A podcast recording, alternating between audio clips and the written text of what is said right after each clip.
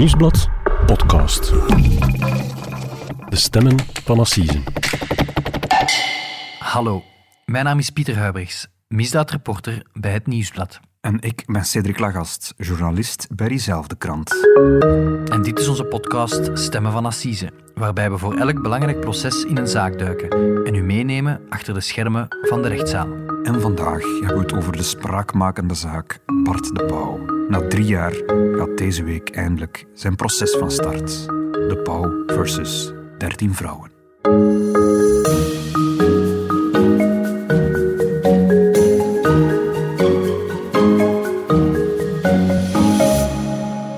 Dag Pieter. Dag Cedric. Pieters, belangrijke week deze week. Deze week uh, start in Mechelen wat misschien wel het meest gemediatiseerde proces van het jaar kan worden, namelijk dat van Bart de Pauw. Mm Bart de Pauw was uh, jarenlang een vertrouwd schermgezicht. Iedereen kent hem wel natuurlijk. Op zondagavond vooral. De lijst is eindeloos. Uh, Schalkse Ruiters, de Biker Boys, Willy's en Mariette, het geslacht de Pauw, Quiz Me Quick, twee tot de zesde macht uiteindelijk ook. En zijn proces start. Ja, woensdag en donderdag uh, gaat hij zonder twijfel uh, de headliners uh, domineren, hè, voorpagina nieuws. en we zitten drie jaar nadat op 9 november 2017 eigenlijk de bom barstte hè, met het bewuste filmpje van De Pauw, waarin hij eigenlijk zei van, ja, dit is geen grap, maar ik moet jullie iets heel belangrijk... Waarin dat hij zelf de kat de bel aanbond en zelf vertelde dat er iets aan de hand was. Ja, een filmpje dat intussen, ik heb het eens gecheckt, uh, intussen al 458.000 keer bekeken is. Eh, maar dus we zijn intussen drie jaar later en het proces gaat eindelijk van start. En, en Bart de Pauw uh, staat terecht en riskeert twee jaar cel wegens belaging, hè, zeg maar stalking, en digitale overlast. Daarvoor moet hij zich verantwoorden voor de rechter. Mm -hmm. Oké, okay. er is al heel veel gezegd en heel veel geschreven over dit verhaal. Um, afgelopen weekend bijvoorbeeld, in onze weekendkrant, um, heb jij een groot dossier over de zaak opgemaakt, op, op zes pagina's in, zo, in onze weekendbijlage nu. Um, jij hebt daar nog eens in opgelijst wat er nu eigenlijk precies hem verweten wordt en wat hij precies allemaal gedaan zou hebben. -hmm. Ik heb dat eigenlijk proberen te reconstrueren, eh, want ja, het is natuurlijk het is een zaak die dat hebben we toch ook gemerkt in de berichtgeving, die voor heel wat maatschappelijke beroering heeft gezorgd hè, de voorbije jaren. En, en het, gaat, dit gaat eigenlijk veel verder dan louter het proces De Pauw. Het gaat over, het gaat over vrouwen die, die zich gehoord willen voelen. Hè, zoals de, ik weet niet of je die campagne nog herinnert, um, de figuurlijke streep in het zand. Dat waren een tientallen acteurs, actrices die, die eigenlijk die vrouwen een hart onder de riem staken door uh, een online, een digitale campagne te lanceren waarin ze eigenlijk zeiden, hier trekken we een streep in het zand tot hier en niet verder.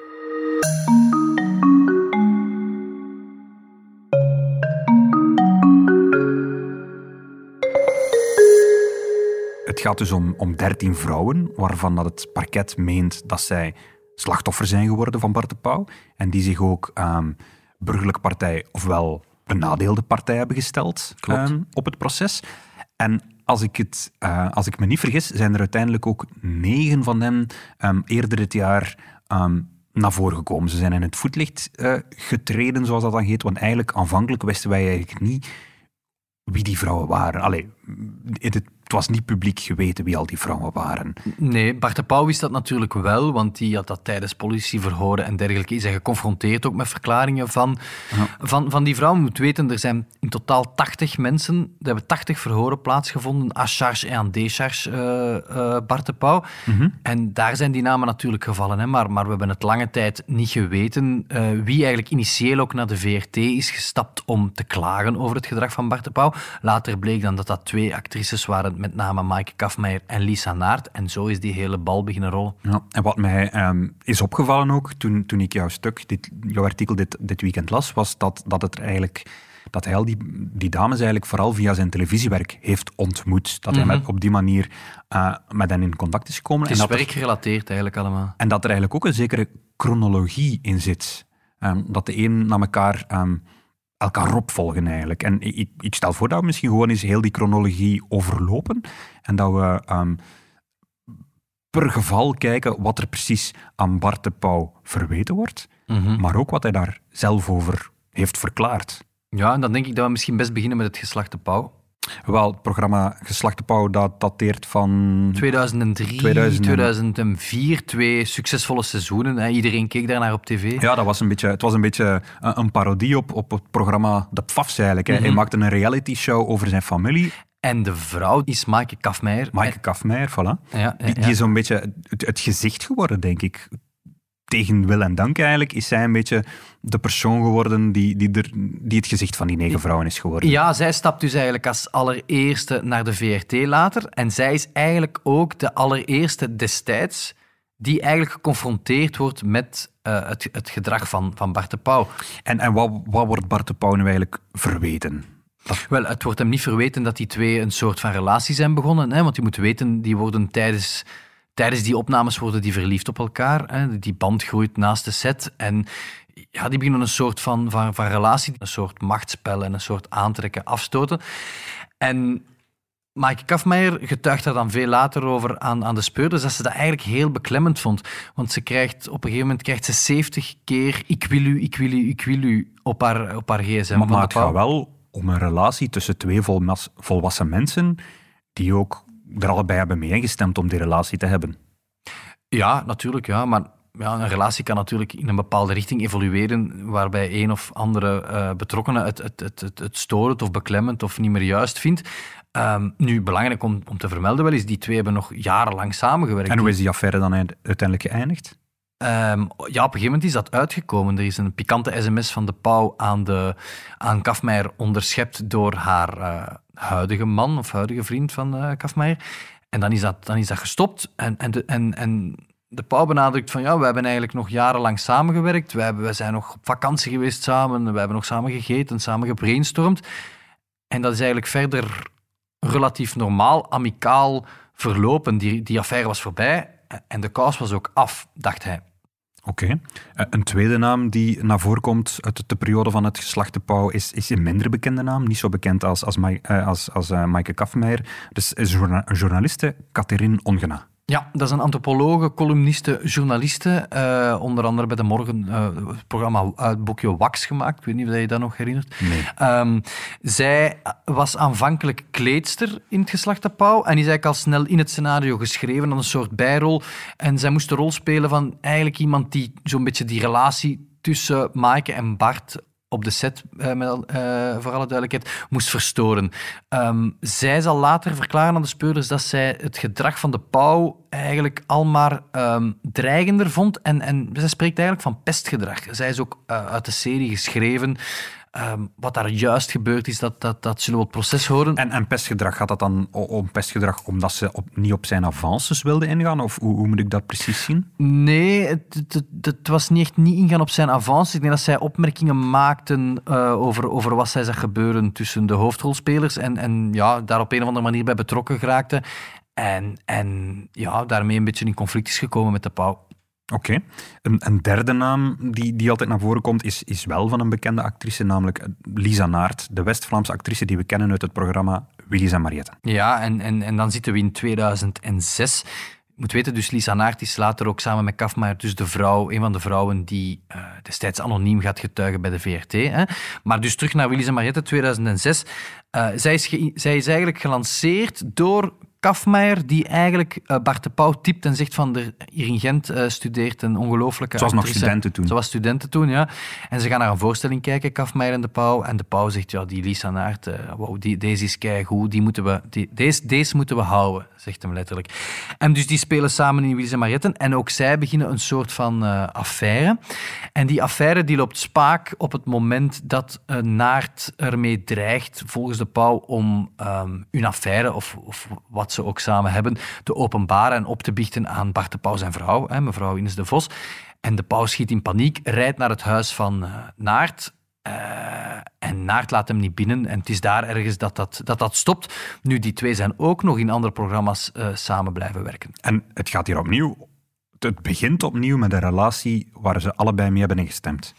Klopt, klopt. En, en, en opnieuw is het een, een, een verhaal van... Ja, ik vond het uiteindelijk verstikkend. Er gebeuren dingen die ik niet meer fijn vond. Eh, ik krijg heel veel sms'en die, die in een bepaalde richting gaan. En, en ja, het heeft iets stalkerigs. Zullen Kafmeijer en Naert later verklaren. Oké. Pieter, we hebben daar straks al gezegd, niet niet al die vrouwen zijn, zijn met naam en toenaam naar buiten gekomen. Er zijn ook al een aantal dames die eigenlijk liever niet willen dat iedereen weet dat het over hen gaat. Een van hen is, uh, is een vrouw die, die in der tijd een stagiaire was op de filmset van de film Loft. Ja, dan zitten we in 2008, hè, dus twee jaar na Willy's en Mariette. Um, Loft, dat... een film van, uh, van Erik van Looy, maar waarvoor uh, Bart de Pauw het scenario heeft geschreven. Inderdaad, uh, klopt. En dus de Pauw was constant op die set aanwezig ook. En een van die, er is een jonge stagiaire die daar aan het werk is. En, en zij getuigt, heeft eenmalig getuigd in onze krant. Ehm, dat zij eigenlijk gebombardeerd werd met liefdesberichten, met cd'tjes, liefdes-cd'tjes, met post-its op haar bureau. Um, ja, op een gegeven moment stond Bart de Pauw zelfs met sushi aan haar deur. Dus maar dat was ongevraagd. Hier gaat het niet om een, om een relatie. Nee, absoluut niet. Het was absoluut ongevraagd. En zij vond dat, zij vond dat uh, misschien de eerste twee minuten vond zij dat lekker spannend. Hè? sms'en met de grote Bart de Pauw, naar wie zij initieel wel opkeek. Maar zij vond dat bijzonder onheimelijk, zij vond dat bijzonder ongepast en zij, zij, zij, zij, kon, daar, ze kon zichzelf geen houding aanmeten. En dat is, dat is eigenlijk totaal geëscaleerd getuigd. Zij heeft echt maandenlang uh, berichten gekregen, een soort bombardement. En op een gegeven moment heeft zij gezegd van, hier moet het stoppen. Zij is dan met een uh, collega op de set daarover beginnen praten. Die bleek uh, ook verhalen te kennen van andere mensen op de set die ook van die cd'tjes kregen en berichten kregen. En, en op een gegeven moment is, is, heeft ze gezegd, de maat is vol. En is zij eigenlijk met die sms'en naar Wouter van den Houten gestapt. De, grote baas. De baas van Woestijnvis, die, die die loft mee financierde. En zij zegt van, ja, dat is eigenlijk mijn redding geweest. Want um, Van den Houten heeft dan uh, Bart de Pauw en vrouw Ines de Vos, moet je dat inbeelden, naar zijn kantoor gesommeerd. En heeft eigenlijk ja, Bart de Pauw een soort reprimande gegeven en gezegd van Bart, ja, er komen hier meerdere verhalen. Gedraagt u ten opzichte van jonge vrouwen. En wat is de uitleg van Bart de Pauw daar eigenlijk over? Wat is zijn verdediging daarin? Wel, hij zei, ja, ik zal dat verhaal van context voorzien op het proces en er is veel context en dergelijke.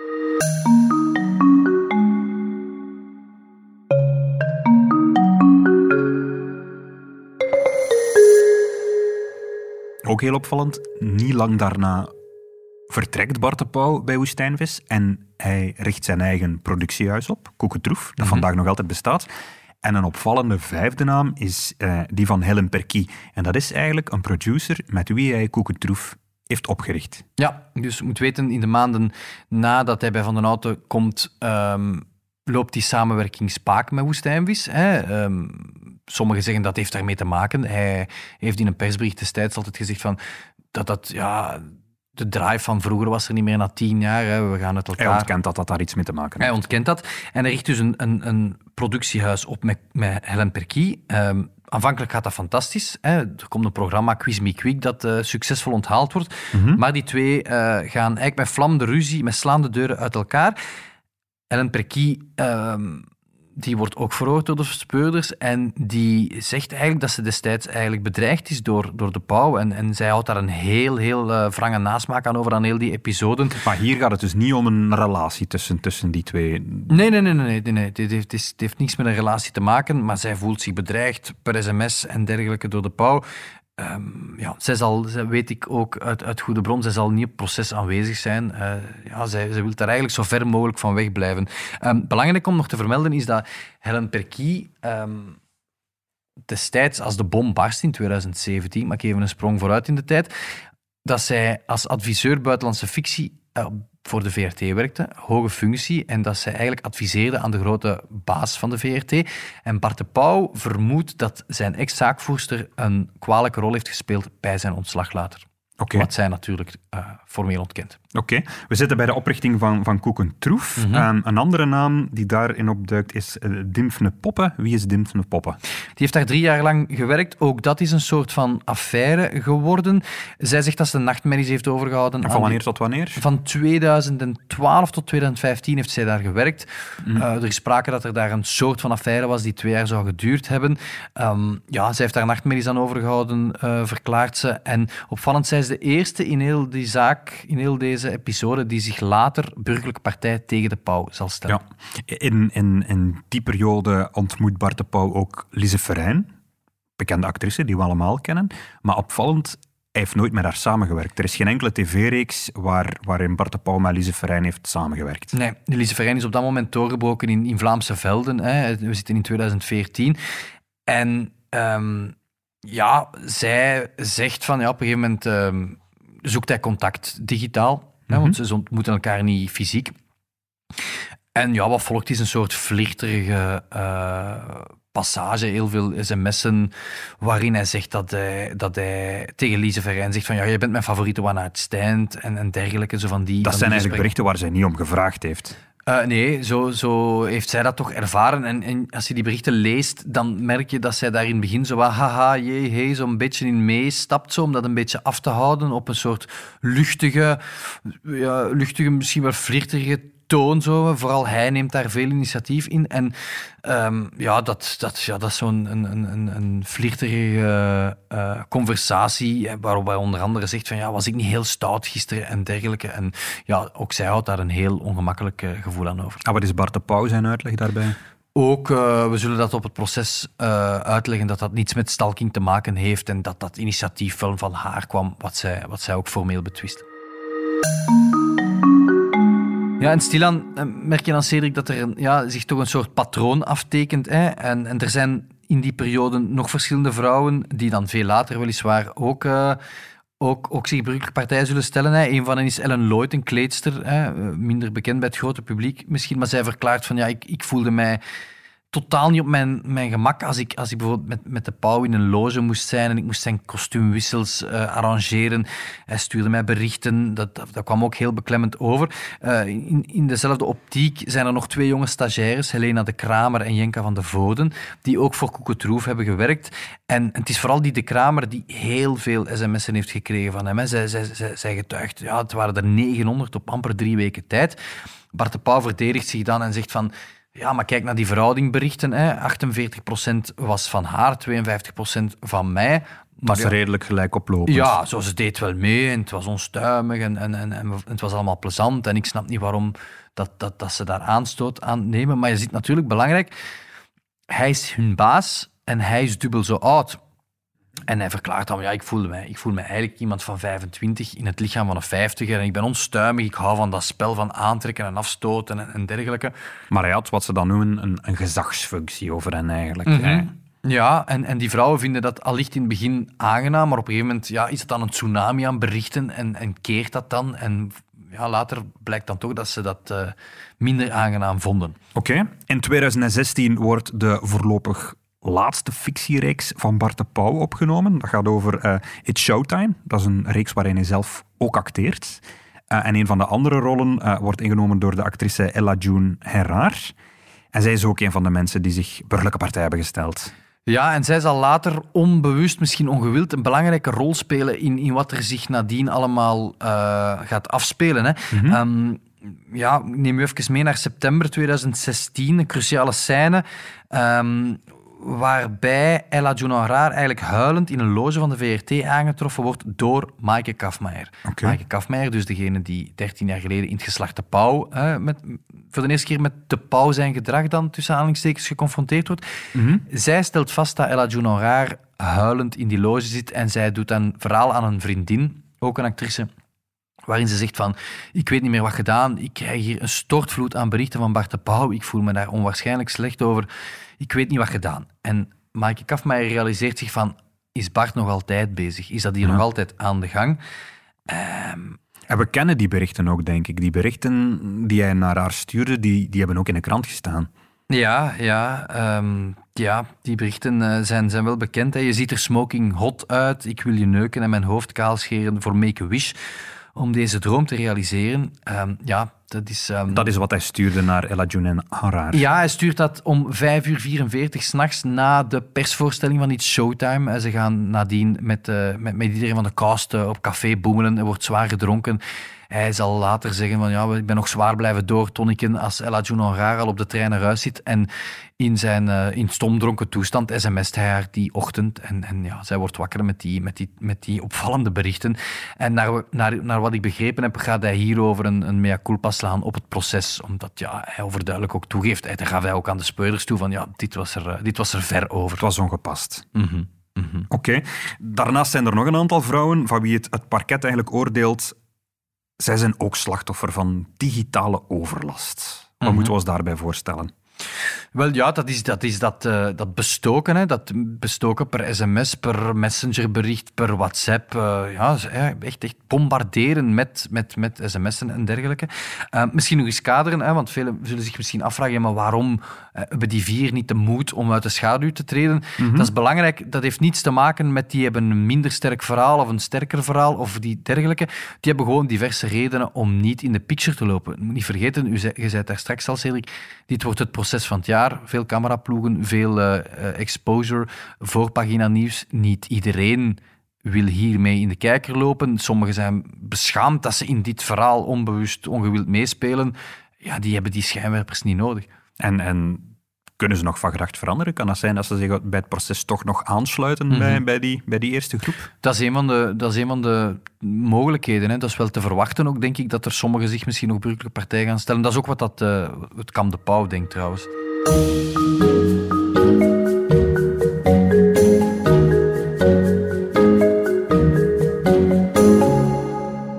Wat ik nog las in jouw artikel van afgelopen weekend, en ehm, wat ik zeer opvallend vond, er is eigenlijk een moment geweest dat eigenlijk de hele geschiedenis had kunnen veranderen en ervoor had kunnen zorgen dat wij er nu vandaag niet zouden zitten. En dat er morgen ook geen proces zouden starten. Want in de zomer van 2018 rijden de advocaten van die vrouwen naar Leuven. Mhm. Dat is het absurde aan, aan heel dit verhaal. Dit dat inderdaad, dit, er komt een proces dat eigenlijk niemand gewild heeft. Want op dat moment zijn ze van plan om het alles in te regelen, onder elkaar te regelen. Wel, dat is wat, dat, dat, wat de partijen wel willen. Hè? Van kijk, niemand van die vrouwen. Ja, wat die vrouwen eigenlijk wilden was: stop ermee. We willen dat het stopt, dat er niet nog andere hè, slachtoffers zijn die hetzelfde moeten meemaken. En dus rijden Christine Mussen en Anne-Sophie Raas, de twee Gentse advocaten, rijden naar Leuven, waar ze met de advocaat van Bart de Pauw, Michael Vragen, eh, een afspraak hebben. En dan komt het, het, het, de, de herstelbemiddeling op tafel. We gaan dat misschien even kaderen. Eh, dat, zijn dat is een soort deal, maar er zijn een aantal voorwaarden aan verbonden. Dus wat moet er gebeuren? In de eerste plaats, Bart de Pauw moet schuldig pleiten. Moet schuld bekennen en eigenlijk toegeven. Ik kijk, we zitten hier met die negen vrouwen of dertien vrouwen. Ehm, ik ben een stalker, juridisch. Ik, ik geef dat toe dat ik, dat ik gestalkt heb. Er moet dus schuldbesef zijn. Ehm, dan, ja, het voorstel was van, kijk, ja, geef een interview in een krant en, en leg dat uit. Ga publiekelijk door de knieën, ga door het stof. Doe iets aan uw probleem, excuseer tegen- tegenover uw vrouw en dergelijke. En vergoed bijvoorbeeld de, de, de kosten van de psycholoog die die vrouwen hebben eh, nodig gehad de voorbije jaren Ja. wat zegt het Kam de Pauw? Ja, maar ja, je vraagt dan wel dat wij hier eigenlijk schuldig pleiten aan, aan stalking. Wij betwisten eh, dat wij... Dat, dat, dat wij dat, nee, Bart de Pauw betwist dat hij een stalker is. Hij moet dan eigenlijk voor al die individuele gevallen toegeven dat hij een stalker was. En op zich zou je kunnen de afwegingen maken, oké, je moet even publiekelijk door het stof, maar we zijn van die rechtszaak af. Heeft hij dat misschien niet willen doen, omdat er nog een tweede proces op tafel ligt? Wel, we kunnen natuurlijk niet in, in het diepste van zijn ziel kijken, maar het is niet onbelangrijk in deze, denk ik, dat er nog een, een proces aankomt tegen de VRT, want hij vindt dat hij destijds onterecht door de VRT aan de deur is gezet. Dat, de dat Paul Lembrechts eh, uitspraken gedaan heeft als er zijn honderden pornografische eh, sms'en eh Hij vecht verstuurd. zijn ontslag aan eigenlijk. Hij vecht hem, zijn ontslag aan en hij eist, hou, hou je vast, 12 miljoen euro van de VRT. En moest hij publiekelijk door het stof verklaard hebben, inderdaad, ik heb die vrouw gestalkt, dan zou het veel moeilijker worden om dat ontslag aan te vechten. Voilà. Dus de kans dat dat meespeelt is niet onbestaande, denk ik. Ehm moet weten, hè, eh, terug naar 2018, 2 en 3 september stond er in de agenda's geblokkeerd bij alle, bij alle advocaten. We gaan hier discussiëren over die herstelbemiddeling. Ehm, de Gentse advocaten komen eh, niet opdagen, hè, gaan, gaan die afspraak annuleren. Waarom? Omdat zij in het strafdossier eigenlijk vaststellen van ja, Bart de Pauw heeft hier geen enkel schuldbesef. Hij trekt al die verklaringen in twijfel. Er, is weinig, er komt weinig naar boven als ja, ik ben fout, ik ben een stalker. Weet je wat, die herstelbemiddeling, ja, dat gaat op niks uitdraaien. Dus het is niet. Bart de Pauw die, dus, die debat heeft opgeblazen. Het zijn de advocaten van de, van de actrices. Nee, dat klopt, maar we moeten wel nuanceren. Ja, Bart de Pauw was niet bereid om toe te geven dat hij een stalker was daar. Hij ontkent dat hij een stalker is en dat zal hij dan uh, op een publiek proces wel proberen aantonen nu. Woensdag start het proces tegen Bart de Pauw. Um, dat aangespannen wordt door het Openbaar Ministerie, voor alle duidelijkheid. Het proces tegen de VRT, dat zal voor later zijn, dat is nu nog niet. Hoe gaat dat proces verlopen? Wel, er zijn twee dagen uitgetrokken voor, voor het proces van het jaar. Hè. Woensdag en donderdag in de Mechelse Correctionele Rechtbank. Op dag 1 zal de Mechelse uh, procureur aan het woord komen. Uh, die, zal, die zal heel zijn onderzoek uit de doeken doen. Um, ook alle vrouwen die het woord willen, zullen aan bod komen en hun advocaten zullen hen verdedigen. Op dag twee, dat wordt, die eerste dag zal, een, zal denk ik een worden voor, voor Bart de Pauw, hè, die, die heel veel zal moeten luisteren naar um, ja, belastende dingen over hem en tegen hem. Op dag twee krijgt hij uh, het woord en zal hij zich de hele dag verdedigen tegen al die aanklachten. En wie zijn de advocaten van de vrouwen? Wel, dus uh, de twee advocaten, advocatensliever van de vrouwen zijn Anne-Sophie Raas uh, en Christine Mussen. Um, van waar kennen we hen? Uh, Christine Mussen is uh, ook de advocaten in het dossier van, van Jan Fabre. Zij vertegenwoordigt eigenlijk um, alle actrices, nee, actrices niet, danseressen, werknemers, uh, werknemers van, van Jan Fabre. en zij heeft in het verleden bijvoorbeeld ook de slachtoffers van de kerk in, in, in grote misbruikzaken verdedigd. dus het valt op dat zij heel veel slachtoffers verenigd vaak. Oké. En Bart de Pauw heeft er eigenlijk relatief recent een, een, een tweede advocaat bijgenomen. We hebben in, in, onze eerdere podcast al verteld dat Michael Verhagen zijn advocaat was. Mm -hmm. Daar is nu iemand naast komen staan. Ja, hij heeft er een van de meest ervaren strafpleiters bijgehaald. De Antwerpse advocaat John Maas, uh, die regelmatig al wel in onze podcast opduikt. Ja. Uh, en die, die, ja, die, die staat wel voor een paar uh, intense maanden, want na het proces De Pauw uh, volgt ook nog het proces van Julie van Espen, hè, de jonge vrouw die vermoord is in Antwerpen. Ook, ook een soort van proces van het jaar, zeg maar. En die verdedigt daar de, de familie van het slachtoffer. Um, dus ja. En hier het proces Portepauw. Um, hij riskeert tot twee jaar cel, hebben we aan het begin van deze, van deze aflevering gezegd. Uh, hoe denk jij dat hij hier gaat eindigen? God, het is natuurlijk altijd moeilijk voor een journalist om te zeggen het zal zo of zo eindigen. We gaan, dat, we gaan dat ter zitting moeten volgen en dan zal daar de gepaste straf geëist worden en zal de rechtbank in alle wijsheid oordelen. Ja, zeker is dat het een verhaal wordt zonder winnaars, hè, want je zit, je zit met, met iemand... Ja, of hij nu een stalker juridisch is of niet, die reputatieschade is er natuurlijk, al dan niet zelf veroorzaakt, hè, spreek ik mij niet over uit. En je ziet met vrouwen die eigenlijk totaal niet in de schijnwerpers willen lopen en die eigenlijk ook wel bevreesd zijn voor het proces. Niet omdat ze denken dat hun case niet sterk genoeg is, maar gewoon omdat ze er eigenlijk nooit om gevraagd hadden. Um, ja, niet vergeten, ja, voor Bart de Pauw is dit maar een eerste opstap naar het, ja, ik ga niet zeggen een belangrijker proces voor hem, maar toch ja, financieel gezien toch iets waar hij, waar, waar hij vol een bak voor zal gaan. En zal hij 12 miljoen euro terug eisen van de VRT. Oké. Dat gaat twee dagen duren, het proces. Jij gaat twee dagen voor ons in de rechtszaal kamperen. Jij gaat dat mhm. hele proces volgen. En we gaan nog iets speciaals doen. We gaan ook elke avond um, een korte podcast opmaken waarin jij komt vertellen wat er die dag precies gebeurd is in de rechtszaal en hoe jij dat hebt ervaren. Ja, dus we gaan, we gaan live eigenlijk de rechtszaak uh, berichten op, op onze website. We gaan uiteraard krantenpagina's maken. We gaan plusstukken voor online maken. En we gaan dus uh, podcast maken, uiteraard, over die zaak. Kijk er naar uit. En vanaf volgende week zijn wij er opnieuw terug met een gewone aflevering van De Stemmen van Assisen. Dit was De Stemmen van Assisen, een podcast van het Nieuwsblad. De stemmen waren deze week van Pieter Huibrechts en van mezelf, Cedric Lagast. De audiomontage gebeurde door Pieter Schrevens van House of Media. De productie was in goede handen bij Bert Heijvaart.